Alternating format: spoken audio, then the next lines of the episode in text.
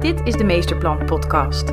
Meesterplan is het slimme platform voor leraren en trainers waar je supersnel lessen en trainingen kunt maken, in een handomdraai kunt toetsen en met één muisklik differentieert. In deze podcastserie behandelen we verschillende onderwerpen over leren en lesgeven.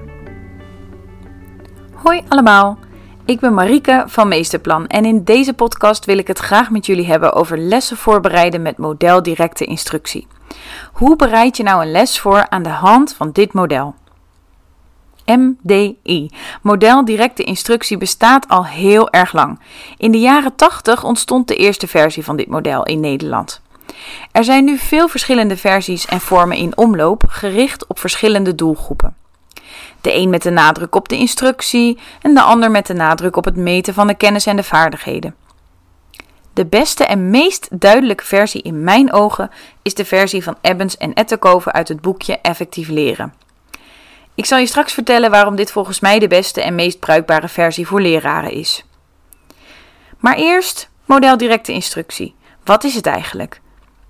Het is een wetenschappelijk onderzocht model om te kijken hoe succesvol onderwijs eruit ziet in de klas. Het wordt veel gebruikt in het basisonderwijs, maar ook in het voortgezet onderwijs en hoger onderwijs is het lesgeven met dit model zeer succesvol. Maar wat is het nou precies? Het is een lesopbouw met specifieke fasen, gecombineerd met sleutelbegrippen, of ook wel didactische technieken. Ik vertel eerst iets over die specifieke lesopbouw en in een volgende podcast vertel ik meer over de sleutelbegrippen. Maar eerst nog een belangrijke opmerking vooraf. Modeldirecte instructie is een docentgestuurde aanpak die een beetje stijfjes en streng kan overkomen. En al helemaal als je alles zo achter elkaar opgesomd krijgt, zoals in deze podcast. Maar als je het voorbereiden en het lesgeven met dit model in je vingers hebt, dan is de stap naar activerend lesgeven en daarna naar gedifferentieerd lesgeven ineens niet zo moeilijk meer. Ik merk dat veel beginnende docenten en trainers vooral het voorbereiden met dit model heel tijdrovend vinden en het daarom dus snel weer overboord gooien. En docenten met veel ervaring, die gooien sommige tussenstappen eruit omdat ze het gewoon een beetje vergeten zijn. Terwijl het succes van dit model, het lesgeven met dit model, juist zit in de kleine tussenfase. Maar oké, ik ga nu eerst vertellen hoe, die, hoe dit model, hoe de fase er nou eigenlijk uitzien. Hoe je het ook noemt, directe instructiemodel, MDI, model directe instructie, hoe je het ook noemt, het gaat allemaal over deze fase. Ik loop ze eerst een keer kort door en daarna nog wat uitgebreider. Zelfs als je nog nooit hebt lesgegeven, geen leraar of trainer bent, dan weet ik zeker dat je heel veel van dit model zult herkennen. Goed, daar gaan we. Fase 0, de voorbereidingsfase.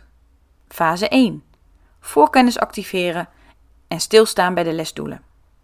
Fase 2, instructie geven. Fase 3, controleren of de instructie is overgekomen.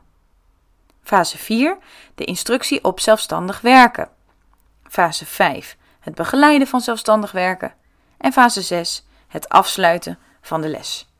Nou, dat klinkt als een hele logische opbouw, of niet? Ik ga de fase nu één voor één doorlopen. In fase 0, de voorbereidingsfase, bereid je alle andere fasen voor, dus fase 1 tot en met 6. Wat ga je nou precies doen? En voor welke groep ga je dat doen? Je zou denken dat je direct met fase 1 begint, maar er zit eigenlijk nog één stapje voor. En dat is, wat is het wat is het onderwerp of het thema van deze les en het daarbij horende leerdoel.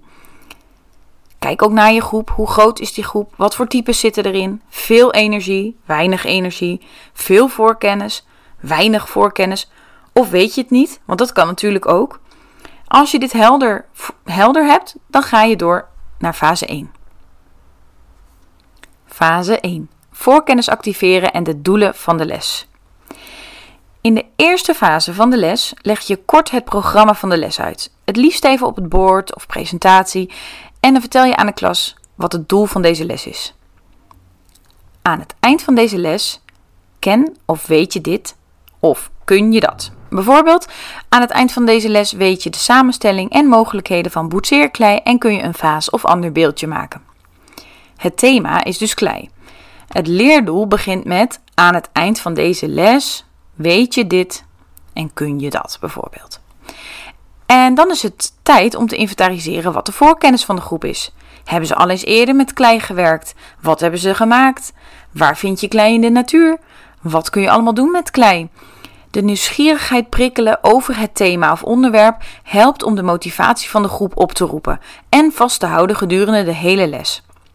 Er zijn duizend verschillende mogelijkheden om voorkennis te activeren. In Meesterplan hebben we heel veel werkvormen om voorkennis te activeren voor je verzameld uit heel veel verschillende bronnen, zodat je zelf niet hoeft te zoeken. En dan is het tijd voor fase 2. Fase 2. Instructie geven. Dit is misschien wel de meest bekende fase van een leraar. Het uitleg geven over een bepaald onderwerp.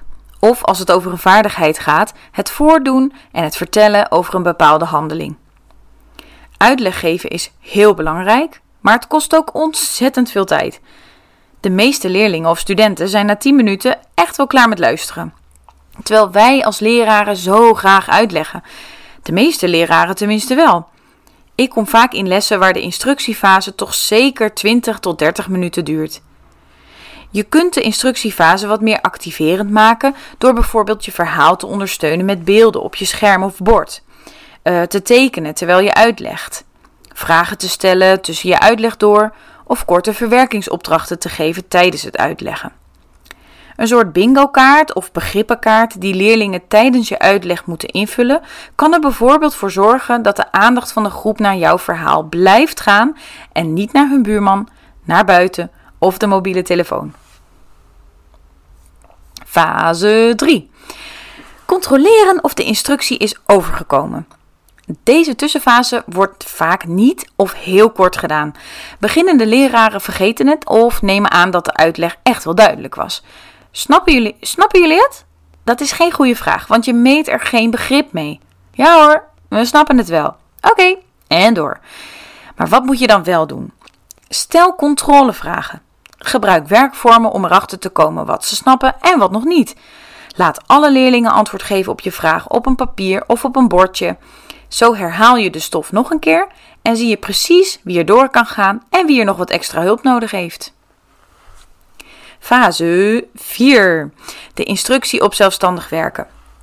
Deze specifieke fase vind je terug in het model van Ebbes en Ettenkoven, maar in heel veel andere directe instructiemodellen niet.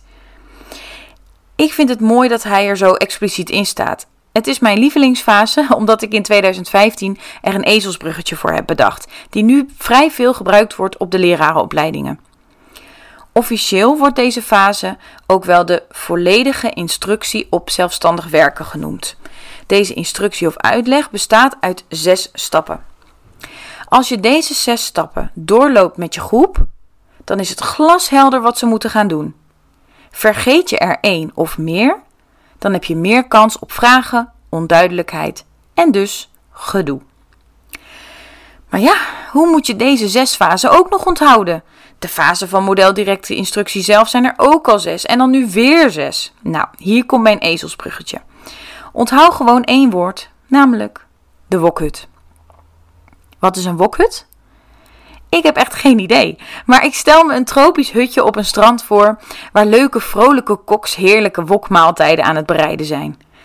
Maar waar staat wokhut voor? De W staat voor wat gaan we nu doen? Wat is de specifieke opdracht die de groep nu zelfstandig moet gaan uitvoeren? Is het individueel, in groepjes, maakt niet uit, maar wat moeten ze nu zelf gaan doen? Dat is de W. De O staat voor op welke manier.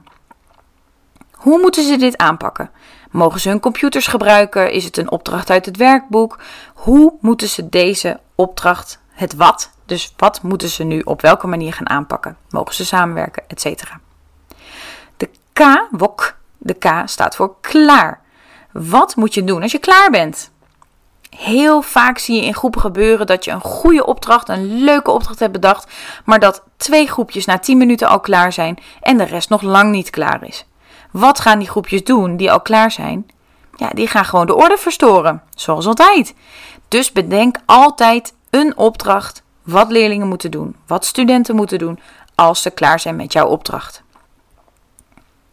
Dan zijn we bij de H aangekomen, wokhut, dus bij de H. Welke hulp mag ik hierbij gebruiken? Mag ik mijn buurman vragen? Mag ik naar een ander groepje toe lopen? Mag ik mijn telefoon gebruiken? Mag ik mijn computer gebruiken? Maakt niet uit, als het maar duidelijk is welke hulpbronnen een student of leerling mag gebruiken. Dan is de U aan de beurt. Wokhut, dus de E, staat voor uitkomsten. Wat gaan we doen met de uitkomsten? Ik kan me geen les herinneren, terwijl ik echt in heel veel lessen ben geweest, dat een docent aan de voorkant vertelde: wat moet er nu uit dit zelfstandig werken komen? Wat moet er precies af zijn? En wat hoeft niet, bijvoorbeeld? Dus wat moet er nu in deze komende 10 minuten, wat moet er afgemaakt zijn? Wat moet je opleveren? Wat zijn de uitkomsten? Dus wat zijn de uitkomsten van zelfstandig werken? Het klinkt heel abstract, maar het is niets meer of minder dan bijvoorbeeld uh, dat je drie van de vijf opgaven minimaal af moet hebben aan het eind van de tijd. En dan kom ik meteen bij de T uit. Uh, de laatste letters, de T, staat voor tijd. Hoeveel tijd heb ik hiervoor? Vaak zeggen docenten wel wat leerlingen moeten gaan doen en hoeveel tijd ze ervoor hebben. Maar de andere vier stappen, die, ja, die zijn er niet of vaag. En daardoor ja, heb je gewoon ruis in je les. Want er zijn dingen niet duidelijk. Bereid je deze instructie nou voor aan de hand van die wokhutstappen, dan weet je zeker dat er nou vrijwel geen onduidelijkheid meer is. Dat in ieder geval dat het niet aan jou heeft gelegen als docent dat het onduidelijk is. In een andere podcast vertel ik je nog meer over de wokhut. Fase 5. Het begeleiden van zelfstandig werken. De ene laatste fase van je les is aangebroken. Je hebt in de vorige fase precies verteld wat de groep nu moet gaan doen. En nu gaat de groep aan het werk. Dat kan individueel of in kleine groepjes. Zelfstandig werken betekent niet per se alleen werken, maar wel zonder al te veel hulp van de docent. Zelfstandig werken leren kinderen al bij de kleuters. Er zijn duizenden manieren en werkvormen te bedenken hoe je deze fase kunt organiseren. Opdrachten maken uit het werkboek, een product maken in tweetallen, een tekst analyseren, met een groepje een invultekst maken, een antwoord zoeken op het internet. Noem maar op. Aan het einde van het zelfstandig werken sta je stil bij de uitkomsten hiervan. Presenteer je de resultaten aan elkaar? Kijk je elkaars werk na? Ook weer heel veel verschillende manieren om dit te doen. Als je een klas nog maar net kent, dan begeleid je heel veel. En ken je een klas goed, kunnen ze goed werken, dan kun je de begeleiding tijdens deze fase steeds een beetje minder maken. Fase 6. Afsluiten van de les. Na het zelfstandig werken is het tijd om de les af te sluiten. Het op tijd afronden van de les is heel belangrijk, maar nog best lastig. Ik zie heel vaak leerlingen of studenten het lokaal al uitlopen, terwijl de docent nog in de begeleiding van het zelfstandig werken zit met een groepje. Hier komen je time management skills als docent dus om de hoek kijken. Bedenk van tevoren, daarmee zeg ik, bereid dit dus voor, hoe je je les of training wil afsluiten. Wil je focussen op de inhoud of meer op het proces? Hoe hebben de studenten gewerkt? Wil jij ook nog iets van feedback terugkrijgen? Gebruik bijvoorbeeld de ABCD-reflectie of de woordslang om de les mee af te sluiten. ABCD staat voor wat was er deze les aan de hand? Wat was daarin belangrijk? Wat is daarvan de consequentie? En wat ga ik hiermee doen? Dit is echt een afsluiting in drie minuten. Of de woordslang. Laat iedere deelnemer twee woorden aan de klassensamenvatting toevoegen, zodat het één lopend geheel wordt. Meer leuke werkvormen voor de afsluiting van de les vind je in Meesterplan. Dit waren fase 0 tot en met fase 6 van model directe instructie. In een volgende podcast behandel ik de sleutelbegrippen die horen bij dit model, want alleen het gebruik van deze fase is net niet genoeg. De combinatie van deze fase plus de sleutelbegrippen of didactische technieken, die zorgen voor een succesvolle les, waarin er veel geleerd kan worden. Wil je ook gebruik maken van Meesterplan en in een handomdraai een goede les voorbereiden? Ga dan naar www.meesterplan.eu en maak een gratis account aan.